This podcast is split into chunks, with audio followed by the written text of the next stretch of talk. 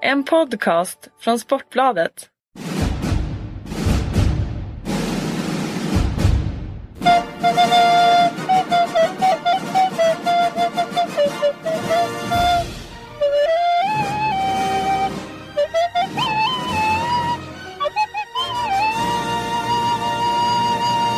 En podd mitt i sommaren. Vad är nu detta? Jo, anledningen till att det dyker upp en podd så här mitt emellan säsongerna heter Jubomir Vranjes.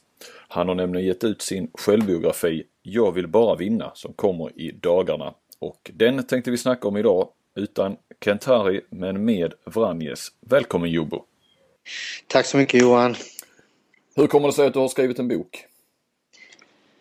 Ja, det var väl framförallt för att Christian och Emil eh, frågade mig om eh, jag hade intresse av att göra det. Det var den första, första idén från deras sida som, som eh, blommade ut ungefär för två år sedan. Det är då Christian Albinsson och Emil Sjölin som också har gjort eh, dokumentären om Bengan Boys. Ja, precis. precis. Var det då det var, det var väl det kontakten? som födde idén tror jag, Ja. filmen Bengan Boys. Mm. Så att det var deras, eh, det var ju deras idé. Det var inte, eh, jag ska eh, erkänna att det var absolut inte någonting som jag gick och, och- tänkte på att skriva en bok om mig själv som, ja då som 40-åring eller 41 Så att det, utan det var de som frågade mig och sen började jag fundera naturligtvis på om, om det om det är ett rätt val att göra det och varför, varför skulle någon vilja läsa en bok om mig och så vidare. Eh, Men det var så det började i alla fall. Hur, hur gick det sen, eh, vi ska komma in på boken och vad som står i den och så, men eh, hur- hur gick själva skrivprocessen till då? Eh, alltså hur funkar det när man Intervjuade de dig? Åker de, åkte de ner till Flensburg titt som tätt och träffade dig eller hur? Ja, det var så det, det, det, det var. Framförallt när det var landslagsveckor och januariuppehåll när det var stora turneringar.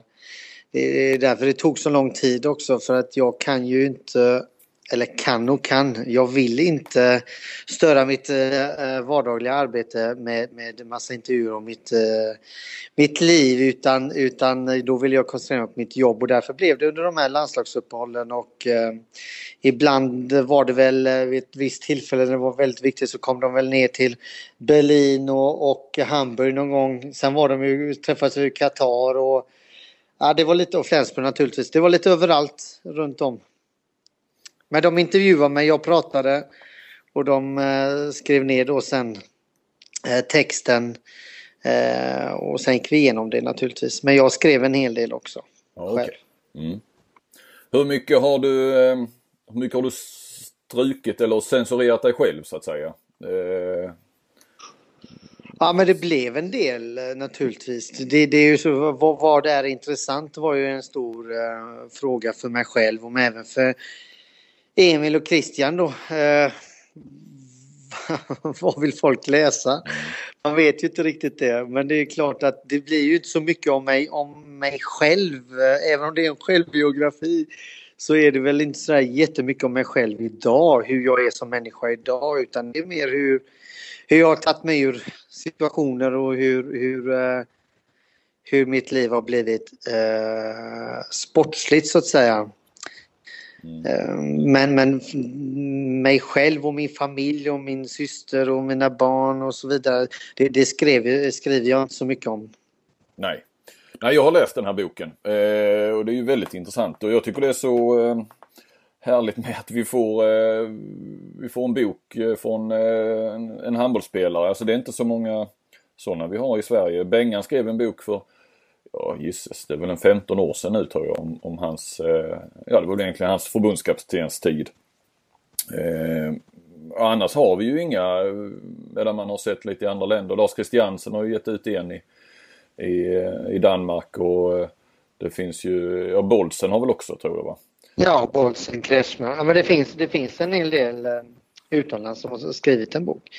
Nej, men det, det, det är väl bra för handbollen att handbollen får, får eh, också ett, ett eh, större intresse. Eh, medialt Mm. vore det ju naturligtvis eh, bra om det, om det blev, eh, blev en lyckat men, men det vet man ju inte. Jag gör det inte för att eh, för att egentligen få fram handbollen måste jag ärligt säga utan det är mer att jag vill få eh, ja, ungdomar, barn och ungdomar och varför inte vuxna att, att, att se att det finns vägar eh, som man kan ta som kanske inte alltid är optimala men, men eh, du kan lyckas ändå. Ja, för att det är ju så att eh, mycket i början, eh, ja vi kan väl dra lite grann vad det handlar om. Eh, det som kallas prologen, det allra första kapitlet så att säga. Eh, det handlar ju om den depressionen du egentligen var i under flera år i slutet av spelarkarriären.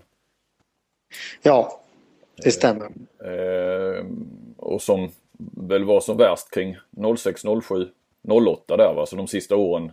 Då hade du slutat i landslaget egentligen va? Ja, det, jag hade slutat, eller slutat slutat. Ja, jag var väl med eh, lite på någon match då och då. Var skadad väldigt mycket. Ja, och... Eh, ja, det var ju då du tackade nej till EM 2008 va? Det var väl ja, då. precis. Och det var precis. ju på, grund av... Det var på grund av depression, ja. Det var väl det som egentligen... Eh, ja, utåt sett. Eh, var väl, eh, var väl eh, vad ska man säga, den, den eh, tidpunkten då, då det kom fram, även för mig rent eh, krast när, vi, när jag tackade nej till EM för då kom det ut väldigt, då var jag ju tvungen att säga varför och helt plötsligt så kunde jag inte bara säga att jag var skadad igen. För att det, då kände jag mig rätt bra ändå. Då hade jag ingen riktig skada utan det var mer att jag mådde jävligt dåligt helt enkelt. Och det var ju svårt eftersom eh, Ingmar Linnell var ju tvungen också att säga någonting till, till pressen varför jag tackade nej. Och, ja, det blev, eh, det blev en, en, en, en tung början eh, men ändå en, en, en bra början på någonting får man ju säga. Hur, hur, eh, ja var det då egentligen du, alltså var det då du tog tag i det eller varför, eller blev det en vändning ja. på något vis när det blev ja, men, offentligt mer eller mindre? Det, det kom fram helt enkelt och eh, när det även då kom fram medialt eh, så fick andra människor reda på det, min familj fick reda på det. Eh, jag har ju det här för, för många människor. Alltså det är klart att det är ju det är inte så lätt för de närmsta för det är ju så tungt och det är ändå press i handbollen eh, på den nivån som vi spelade, eller som jag spelade. Och så, du, du, du, ja, ibland är det ju tungt men det behöver inte betyda att det är depression för det. men eh, men eh, ja, sen, sen så förstod man ju verkligen hur illa det var.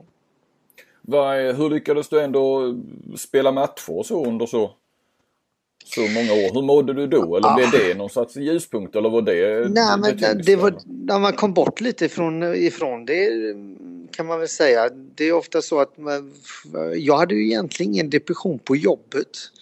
Så när jag spelade, och, alltså det, det kändes bra inom laget kändes det väl ganska bra kan man väl säga. Mm. Men det var ju ändå så att jag jag vet inte, man, man gjorde det bara. Det var, jag var helt enkelt bara på plats utan, utan ja, och egentligen vara där. Det var som i en, jag skriver, tror jag skriver i boken, alltså, det var som i en, alltså, jag var i en bubbla kan man säga. Mm. Jag pratade med folk till exempel men, men alltså, de, jag pratade fast det var lite som att man var utanför. Även om jag pratade direkt med dig som jag gör nu så kände jag ändå att uh, jag hörde dig dovt och jag uh, Ja, jag registrerade vad du sa men ändå inte. Uh, det var som att man var i en annan värld. Ja, det var väl så kanske också. Jag vet inte riktigt hur man fixar det egentligen. Jag, jag har inte svar på alla, alla frågor om hur och varför det, jag klarar och inte klarar det. Utan det, det var bara så. Mm. Hur tog du dig ur det? Nej men det blev ju, det blev ju som sagt en, en början på någonting bra när det kom ut i media och min familj fick reda på det. För då helt plötsligt så alla, alla signaler som fanns redan då eh, började man ju upptäcka väldigt klart och eh, min familj fattar ju verkligen då eh, mitt sätt att vara. Jag menar att, eh, att låsa in sig eller låsa in sig låter man men gå in, gå in eh, i, i, i sovrummet och, och dra ner persiennerna och eh, bara ligga och sova en hel dag kanske inte var eh, Eh, optimalt. Även om det kanske är rätt så normalt i, hos en äldre spelare som är på den här nivån för att vila upp sig för att kunna klara av belastning och så vidare. Men, men varje dag och eh, i så lång period. Det var lite, det var lite, ja det var väl eh, lite svårt att, att och, och hantera det där tror jag. Mm. För, för, innan. Men nu när man fick reda på det så, så började man ju naturligtvis prata om det och då försökte man ju naturligtvis eh, att inte gå in i det här rummet eh, och inte äta tillsammans med familjen oftare och så vidare. Så det tog ju det tog ju lite tid. Man pratade en gång med en psykolog och så vidare. Eh, men ja, jag kände att ja, det visst, det att öppna sig och börja prata om det, det, det, kändes, det kändes jäkligt tungt att göra det för någon annan när jag visste att jag kunde eh, prata med familjen. Så att eh, jag valde bort psykolog mm. faktiskt. Utan jag började prata med min fru och eh, med mina vänner och min, mina föräldrar och så vidare. Mm. Och sakta men säkert är det naturligtvis att, är det så att det gick åt rätt håll men det tog en jäkla tid. Det gjorde det, måste jag erkänna. Mm. Och än, även än idag så känner jag ju att jag eh, har tendenser ibland till, till att få återfall så att säga. Man känner ju verkligen den här och det är ju det är ju verkligen hemskt när, när man känner den här känslan. Det, det är som en mörk tid. Eh, och det, det då, då stannar jag upp Eh, ja då stannar jag upp tiden och allting egentligen och har min ritual hur jag kommer tillbaka igen då. Vad har du för ritual då? Är det någonting du vill? Ja, igen, då släpper jag allt. Ja. Eh, då försöker jag helt enkelt koncentrera mig på mig själv och eh, tacka nej till allt egentligen som har som jag, alltså som jag kan tacka nej till. koncentrera mig på mig själv och min familj och musik, är en fantastisk sak som jag, som jag använder mig av mm. för att hitta lugnet och roet och, och, tillbaka till mig själv. Ibland, ibland, eh, eller ibland, ibland eh, lagar jag mat och dricker vin tillsammans med maten och får, får lite balans i livet igen. Vad som är viktigt och så vidare. Varför har du de här, eller de här så att säga depression eller varför hade du den depressionen? Varför har du dem tendenserna tror du? Är det ingenting man borde bearbeta en gång för alla? Då? Ja, alltså jag, jag, jo det kanske man alltså borde. Jag bearbetar det hela tiden. Mm. Eh, men jag, mår, jag mår bra. Mm. Eh, 2009, 10 där så mådde jag ju faktiskt eh, bra innan jag blev tränare. Eh, så, så sa ju Maria även att, eh, att, hon, att hon började känna igen eh, Jobbo igen. Mm. Eh, min fru Maria alltså. Mm. Så att eh, det är klart att nu är det 2016 så jag menar jag har ju bearbetat det här i många år men det känns, det känns bra. Jag känner att jag har kontroll över det men inte, in, inte så att jag inte har respekten för att det inte ska komma tillbaka. Mm. För det har jag fortfarande och då är jag ju försiktig när, när jag känner som sagt de här eh, signalerna. Mm. Ja, vi ska ju inte prata om, om det ska finnas en anledning till att köpa och läsa boken också så vi ska ju inte heller dra allting här känner jag. Eh, men om vi går vidare från det, ett eh, kapitel också som, och, och, som du har varit inne på lite med, med att hitta en, en annan väg och, och så att säga att eh, eh det finns en möjlighet ur allting förutom då en depression är ju eh, uppväxten. Eh, som är väl det som framförallt handlar om dig själv. Och, tonåren när du var ute och slogs en hel del på stan och kunde hamna snett. Eh, varför slogs du så mycket? Ah, varför? Det är ju jättesvårt att svara på varför. Jag menar, det, det var inte så att jag sökte mig till, till sådana situationer. Och oftast uppkom det situationer där, man ska säga att man var väl tvungen lite att försvara sig. Eh, till att börja med i alla fall. Det måste mm. man ju ärligt säga. För att det var ju så att uh, när, du, när du är uh, liten eller mindre än vad andra är, ja man kan väl säga att jag är liten. Mm. så, så, så försöker, alltså folk försöker sätta sig på det. Det är, det är så. Det, det är den, ja, den största, starkaste vinner mm. ute i, i, i, det verkliga livet. Så är det ju också. Mm.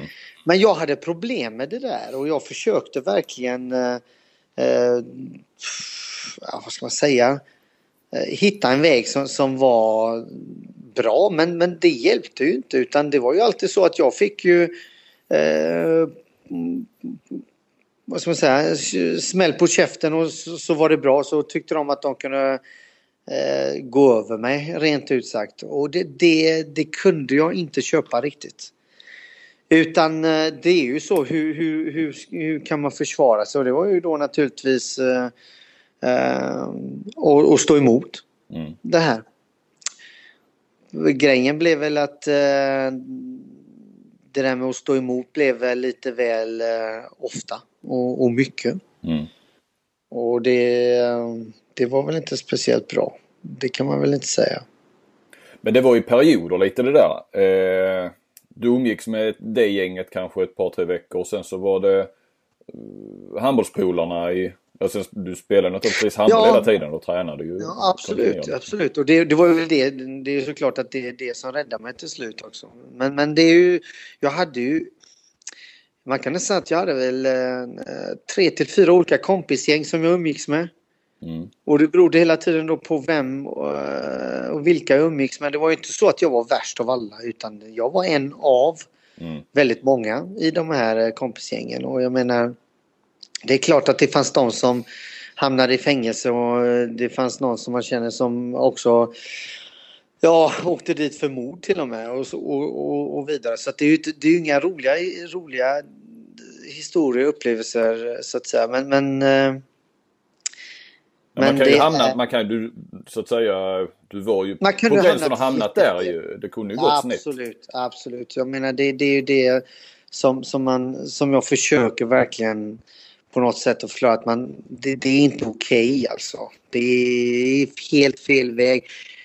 Nu har ju jag turen att tänk om jag hade slagit någon eh, på käften och, och, och träffat fel. Det räcker med ett slag.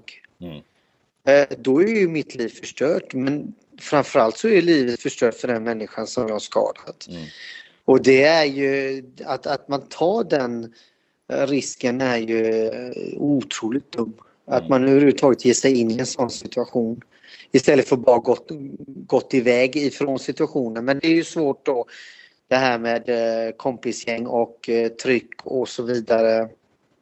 Det, nej, det var ingen lätt situation naturligtvis men, men det var ju också så att det, jag hade olika kompisar så när jag umgicks med, med, med andra så var det mer fest och tjejer och sen det är klart att man hamnade i slagsmål där ibland också. Men det var inte så på samma sätt. ah, men det var, då var det ju andra saker ja. som, som hände. Men, men eh, Eh, nej, det, det, var, det var lite struliga år. Ja. Eh, så enkelt kan man säga att det var och jag är väldigt glad att jag tog mig ur det. Mm. Eh, och det gjorde du väl delvis med hjälp av handbollen? Ja. ja, framförallt var det att jag spelade fantastiskt mycket biljard eh, och snooker och spelade om mycket pengar. Ehm, det var ju nästan varje dag eh, efter skolan, innan träningar, efter träningar och så vidare. Ehm, men nu är 17-18 år så, så, har du en viss frihet hemifrån också så det är naturligtvis ingenting som föräldrarna riktigt kunde stoppa och du tjänar lite pengar och, och, du spelar in lite pengar. Det var ju så, det gick bra också. Och då, ja. när det går bra så vill du spela mer och då hamnar du också i en viss klientel. Jag menar det var inte bara då 18-åringar utan plötsligt så spelar du med vuxna, vuxna människor mm. mot vuxna människor om pengar och när det går om pengar så blir det ju allvar. Mm. Eh, men, men egentligen så var det inga större problem eh, där utan eh, att det hände någonting utan det blev bara allvarligt allting. Allt, allt blir så... Ja, man kunde ta på det. Du kunde inte gå ifrån ett, ett bord när, när du låg plus till exempel utan då var du verkligen tvungen att ha en, en viss tid eh, som du säger, jag lämnar bordet om, om, om 45 minuter eller en timme. Det var ju fair att säga. Mm. Eftersom man låg kanske plus några tusen och då ville man ju naturligtvis då, då var det ja, fair att säga att jag lämnar om 45 minuter. Men då har ju träningen börjat. och du, då har du tjänat, det, det är ju det som var lite, lite problem. Men så kom jag för sent där. En träning i, i Svingens sporthall, det skriver jag också i boken, men det kan vi väl säga. Mm. Och eh, då möts jag ju naturligtvis, kommer inspringande, då har jag mina egna köer i handen och kommer in där. Eh, och det var väl inte speciellt bra. Men eh, Ola Li sa några rätta ord till mig. Och, RIK-tränaren eh, ja. RIK-tränaren på den tiden. Och det tog väl, även om inte det var något speciellt, men det tog på något sätt och det kändes, fan, ja, han, han, han vill att jag ska göra det här och han tror på det här så att, eh, mm. nej det kändes bra. Och, det var också en vändpunkt lite grann. När, det var en vändpunkt det, ut, Utan att han egentligen behövde ta i särskilt mycket. Nej precis, han sa det lugnt och tydligt bara. Mm. Eh, sen lyckades du ju eh, också någonstans den här ändå aggressionen som du bar med dig eh, under uppväxtåren och sådär. Att du kanaliserade den lite grann in i handbollen och, och på, på handbollsplanen och som jag har förstått har varit eh, naturligtvis en viktig, vad ska man säga, en, en faktor i din, till dina handbollsframgångar. För, för ja, det är absolut. Den här aggressionen som jag hade, det, det tror jag absolut hjälpte mig till, till att, att bli eller vara, vara den spelaren som jag var. Mm. Mycket på grund av att jag inte var rädd eh, för någonting egentligen. Eh, jag, jag nästan gillade att få stryk. Ja. Och då var det ju naturligtvis enklare att ha den spelstilen som jag hade. Mm. Eh, och sedan för att jag skulle komma upp i, på någon viss nivå så, så vill jag alltid eh, ja, inte, inte hata någon på det sättet men hitta, hitta irritationspunkt hos, eh, hos andra medspelare det kan ha varit vad som helst egentligen. Jag tror jag berättat det här förut men jag vet inte om jag skrivit i boken. Men det är väl framförallt det där med att jag eh, Ja, jag kunde eh, tycka om att någon hade en ful frisyr så blev jag otroligt irriterad på det och det tände mig. Ja, det är sjukt. Men eh, då, var jag, då hade jag fokus just på, på, på, på detta och det hjälpte mig till att komma upp till en viss nivå. Och sedan när, när Eh, eller det kunde varit ett skratt också hos motståndaren som irriterade mig. Hur, hur någon flinade. Mm. Eh, då, då fick, det fick mig också att tända till då. Så jag har försökt, inte för att, eh, inte för att nu det är inte okej okay att flina eller ha snygg frisyr eller vad det nu kan vara. Utan det var bara med ett sätt som fick mig till att prestera. Och jag koncentrerade mig på mig själv naturligtvis. Mm. Först och främst.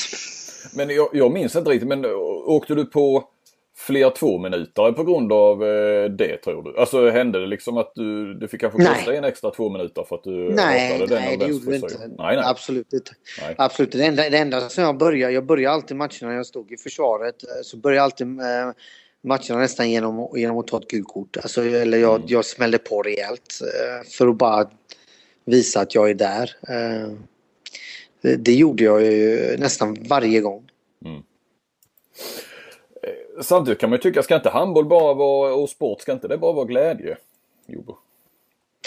Eller det är det inte sport, på den nivån? Sport är, sport är väl glädje men, mm. men det, det går, alltså en, en, en professionell spelare i vilken sport som helst, alltså det, det går inte bara att ha glädje, det är helt omöjligt. Det, det, det där är en, eh, ja vad ska man säga, en, eh, en dröm som, som många har att man ska spela med glädje och hjärta hela tiden är naturligtvis där och passion för sporten också. Men det, det är ju så att det finns en vinnarinstinkt i varje, varje idrottsmänniska. Mm. Och, och, och, och varje där, framgångsrik i varje fall. Ja, varje framgångsrik mm. kan man väl säga då.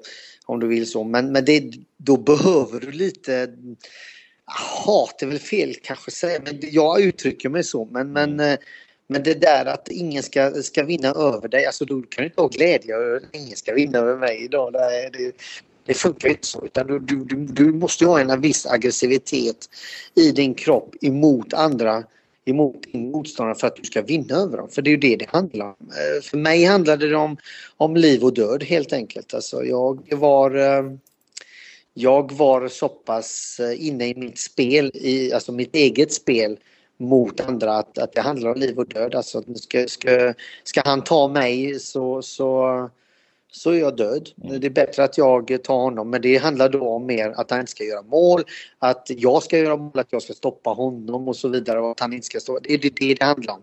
Men jag uttrycker mig rätt så hårt kan man väl säga mm. i mitt sätt när jag mm. spelar med mig själv. Mm. Ehm, och sen eh, med i boken... Blir du paff där lite eller du, ja. du kan bli lite tyst?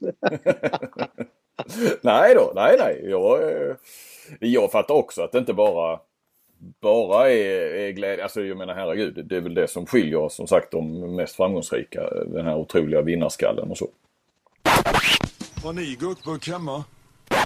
Du avhandlar också eh, konflikten med, med Per Kalén.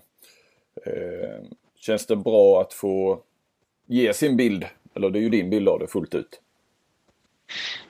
Ja, det är min bild, absolut. Och jag menar hela boken är min bild av, av eh, hur jag ser på olika situationer naturligtvis. Det, det handlar inte om uh, andra sex säkert uh, samma situation annorlunda. Men, men det är hur jag ser på det och det är klart att det känns bra att få berätta det. För att jag har inte egentligen sagt något officiellt överhuvudtaget om det här. Eh, och det är framförallt inom handbollsvärlden som det har gått en massa rykten. Mm. Eh, och vänner som har ringt mig och berättat eh, vad som har sagts ifrån ja, Per och andra människor om detta så att säga. Att Per fick lämna Flensburg eh, eh, mitt under säsong och att det var mitt fel att han fick göra det, att det var jag som sparkade honom. Och det är klart att eh, när, när, när, det, när, när sånt här rykte kommer fram och jag har ingen lust att dementera varje rykte som var då. Mm. Utan eh, alltså de som känner mig vet hur jag är så jag, jag behöver egentligen inte dementera någonting. Eh, men, men det är klart att om man pratar om det ofta och mycket så blir ett rykte någonstans eh, någon gång eh, ett sant eh, rykte så att säga. Och det ville jag sätta stopp för i den här boken en gång för alla. Mm. Och, och det är ju så, det är ändå min, min, min sida som, som, som, som berättas och jag kan bara säga att eh, vad som jag tycker konstigt i, i detta är att Per egentligen vet eh, hur det funkar i Flensburg. Eh, att jag aldrig kunde ta ett sådant beslut eller, eller att jag aldrig kunde eh, gå emot Per på det sättet utan för vi ville ju förlänga med Per, jag ville ju förlänga med Per. Mm. Men eh, Per ville ju aldrig förhandla med mig utan han gick ju direkt till de högsta cheferna. Och det var okej okay, tyckte jag även, det, det var, hade jag inga problem med. Så att hela situationen tyckte jag var jäkligt konstig att han blev sur på mig på grund av det. Eh, skulle Kentaro bli sur på Per då bara för att eh, Kentaro fick gå eh, dagen innan julafton? Alltså nej, det, det eh, han vet att det inte funkar så utan det är andra som bestämmer om det här. Eh, det, det tyckte jag var jävligt konstigt. Och sen är det klart att jag och Per inte alltid var överens om saker och ting. Alltså handbollsmässigt tänker jag på dem. Mm. Det är klart att jag hade annan uppfattning om hur man skulle spela och vi diskuterade det. Och, men det var ju ingenting som, som eh, diskuterades med andra utan det var ju naturligtvis eh, någonting som vi diskuterade. Och jag kan ju inte... Alltså, om man inte tål då att jag eh, diskuterar om handbollen på ett annat sätt än vad han gjorde då, ja, då är det ju så. Då får, jag, då får jag ju eh, vara ovän med Per så att säga. Inte för att jag känner så men han gör ju det. Mm. Men eh, det, det, är klart att då får det vara så. Mm. Men eh, det, jag har ingenting med hans avsked att göra och att han fick lämna Flensburg. Utan det var ju han själv som eh, hade förhandlingar med annan förening och var inte riktigt ärlig mot föreningen. Och det var just därför de ville eh, sparka honom direkt. Mm. Och, det är skönt, och det är skönt att jag får skriva det här och det är skönt också att de människorna som gjorde det här har även eh, under inspelningarna alltså inte dementerat då att jag hade någonting med det att göra.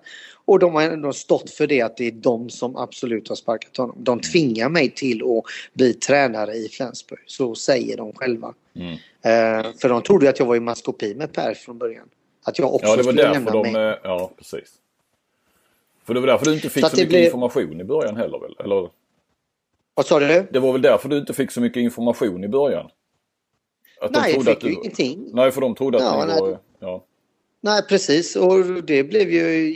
För jag satt ju egentligen mellan två stora... Eftersom under styrelsemötena som var innan eh, så, så skyddade jag ju Per. Jag ville ju att han skulle stanna kvar längre och så vidare. Och det är klart att nu i efterhand om du ser på styrelsens eh, bedömning av vad de hör och, och, och, så vidare så kanske de, eftersom jag var på hans sida så det är klart att de kanske trodde att jag även var på hans sida helt ut. Mm. Eh, så det var väl kanske inte, alltså logiskt sett så kanske det var väl Ja, eh, klart tänkt ifrån styrelsen egentligen. Eh, men ja, så är det. Har ni, har ni stött ihop någon gång? Eller hur var det? Du skickade något brev också till honom efteråt va? Som han aldrig svarade på? Ja, det gjorde jag. För eftersom han ville inte svara på mina samtal då, då skrev jag ett personligt brev till honom. Ja. Men det, det, är ingenting som han har svarat på utan uh, ja, det, det, är som det är helt enkelt. Men ni har alltså, aldrig jag, haft någon kontakt efter detta? Nej, det har vi inte. Alltså, vi, samma vinter egentligen en månad senare så träffas vi hissen i New York eh, vid en turnering som ja, vi arrangerade. Ja. Uh, och, och uh, sen, sen i VM 2011 så träffades vi i Nice igen. Uh, i, i Malmö Arena vid semifinalen. Men det, det, det är väl, nej, det, ja, helt ärligt så, så är det in, ingenting som tar min tid längre. Det måste jag också ärligt säga. Det är ingenting som jag tänker på. Och jag behöver inte Per Carlén heller så att säga i mitt liv på det sättet som, som, som det är just nu. Eh, hälsar ni bara på varandra då i hissen eller sa ni ingenting till varandra? Ja. Ja. ja. Jag hälsar bara, så bara hej. Så är det, alltså det är helt okej okay också. Det, det, är det så, det är som det är. Situationen är som den är. Så att det är ingenting som jag... Eh, jag är som jag är och Per Kalén är som han är. Så är det bra med det. Finns det fler sådana konflikter i gamla Bengan Boys? Ja, gamla Bengan Boys vet jag inte. Det, det, vad ska man säga? Ehm, jag, jag kan ju inte tala för mig själv och för hur de andra ser på situationen. Eh, det får du luska. Ja. du är ju du som är journalist. Men, men, eh, ja, men bilden av er var ju att alla det, det var, inte alltid, Det var ju inte alltid guld och gröna skogar i Bengan Boys heller. Det var det inte, inte innan min tid heller. Och inte, inte naturligtvis under min tid under Bengan Boys. Men Per och jag spelar ju aldrig tillsammans så att... Eh, Nej. Nej, det stämmer ju det. Det gjorde ni aldrig, nej. Nej. Eh, ja, på tal om det. Du debuterade ju egentligen på sätt och vis ganska så sent i landslaget. Du var 23, eh, du var väl nästan 24, eller ja 23-24 innan första mästerskapet. 96-97 var det väl? 96 var väl yes. debuten och VM ja. 97 första mästerskapet.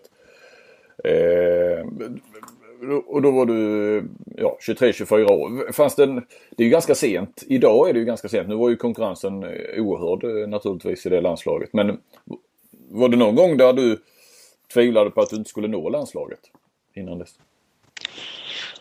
Ja, alltså det, det, det där skriver jag också i min bok men, men, men det blir ju naturligtvis att eh, det kom ju stegvis eh, det där med att tro på sig själv i, i en svensk landslagströja.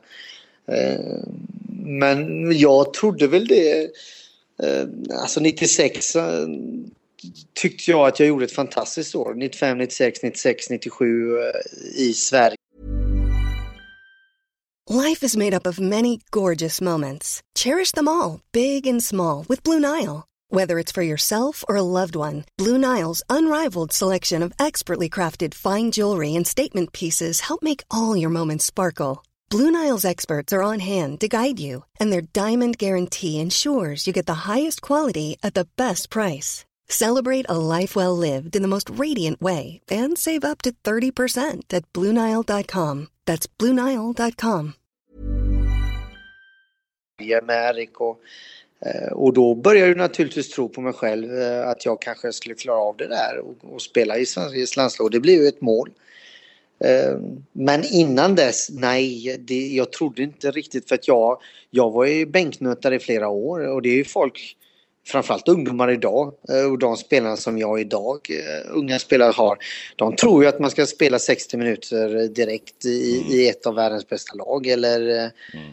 alltså det, det, funkar ju inte så. Du, du har en viss period eh, där du måste ha för att lära dig och eh, den perioden fick jag som inhoppare under två minuters perioder och eh, när de var punktmarkering på Bäckegren och Lövgren och så vidare. Det var då jag fick spela och fick ytor. Och det var ju min tur att de var så bra så att jag fick speltid. Mm. Eh, under, det vet man ju inte heller hur, han, hur det annars hade gått om jag hade spelat i ett sämre lag där aldrig någon blivit punktmarkerad. och kanske inte hade fått de här ytorna. Eh, och det gjorde att jag fick själv, självförtroende naturligtvis eftersom jag utnyttjade de här ytorna och fick spela mer och mer och mer. Men det tog ju två, tre år. Mm. Um, men jag accepterade någonstans min, min roll och jag tyckte att det var roligt att spela i RIK. Och sedan i landslaget, jag menar att jag fick bara ta på mig den svenska landslagströjan. Som du säger, i, alltså det här var ett av, eller det var ju under världens bästa landslag kan man säga under många år. Mm. Eh, det är klart att den konkurrensen är lite annorlunda idag. Mm. Och hamna i ett landslag. Eh, ja, som sagt, det handlar ju mycket också om, om eh, tiden i, i, landslaget och även i, i klubblagen och så, boken. Det är ju inte bara det är inte bara elände om man nu får säga så. Nej, det är det inte. Nej, verkligen inte. Men livet är ju inte bara uppåt och det är det jag vill också säga, alltså ärligt mm. prata om och säga att det är ju inte bara, det är klart att det finns saker som är positiva men, men det finns även i all, alla människors liv är det ju Eh, berg och dalbana och även i, även i mitt liv. Mm. Så, är, så enkelt är det. Mm. Du, en, en grej som jag väl har hört talas om, som du berättar om, är den här speciella tävlingen ni hade i, i landslaget. Där ni försökte kom, få in, ni hade vissa, kom överens om vissa ord som skulle med den dagen i intervjuer va? Och det kunde vara lite knäppa ord eller vad man ska säga också. Eh, ja. Och vem som fick med de flest och sen fick ni se facit väl då på tv och tidningar och sådär. Eh, Frändesjö var en fena på det där va?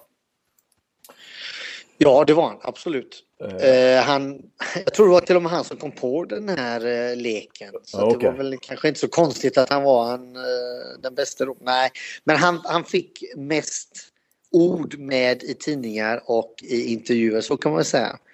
Eh, sen vet man ju inte, of, of, några var väl kanske lite, Lövet var kanske, hade något roligare, Johan Pettersson hade väl kanske något roligare intervju men, men han hade väl flest, flest, uh, flest av de här uh, orden som hamnade i, i så att säga intervju. Jag tror det var människor som vann tävlingen till slut. Vad kunde det vara för ord då? Eller vad, vad liksom? Ja du, det, det, står, alla orden står egentligen i boken tror jag. Jag hade en bild, jag vet inte om de tagit med bilden där men det, Nej, men det kunde vara Tigerland kommer jag ihåg. Det tyckte jag om. Det var en av mina favoriter. Jag menar att man skulle spela i, i, i sitt... De kommer till vårt Tigerland och eh, här ska de inte kunna eh, alltså, hitta på någonting. Ja, det, var ju, ja. det var ett av orden i alla fall som jag kommer på just nu. Så att det fanns, det fanns eh, lite roliga ord naturligtvis. Mm. Tågbonk var också ett sånt ord som jag tyckte var roligt. Alltså att du ska få in intervjuer i, av i försvaret. Jag vet men alltså tågbonk. Ja, vi, det var som eh, åka tåg, alltså en riktig tågbonk fick de. Jag vet inte riktigt hur man uttryckte Men det var ju ändå rätt roliga ord. Mm. Och det här skrevs upp då på morgonen på något vis eh, när ni hade någon genomgång? Nej, ja, man, jag tror det var veckovis till och med. Jag tror ja, man okay. fick eh, tio ord i veckan. Ja. Och så fick man väl använda de här orden i olika och jag menar så fick man ju poäng för olika ord. Jag menar Tigerland kanske var tre poäng och Tågbonk kanske var fyra poäng. Ja, ja. Och så vidare. Så räknar man poäng. Då måste ja, ni ha läst tidningar och, och, kollat på tv och sånt. Vi, vi läste alltså, och framförallt de som var, blev intervjuade kom ju naturligtvis fram med tidningen. Jag har sex poäng idag. Ja. Eh, så det, det var roligt, väldigt roligt måste jag säga. Det, när var Bengan Boys som bäst? När spelar ni som bäst? Alltså, nu, alltså, för mig är det ganska klart 99 till 2001 tycker jag Bengan Boys var som bäst. VM-guld 99, eh, EM-guld 2000 och VM silver 2001 och så ett OS-silver. Ja, OS-silver ja. ja. Alltså det, det tyckte jag var... Ja, då spelade vi konstant på en, en fantastiskt hög nivå. Även om vi inte vann allting men det var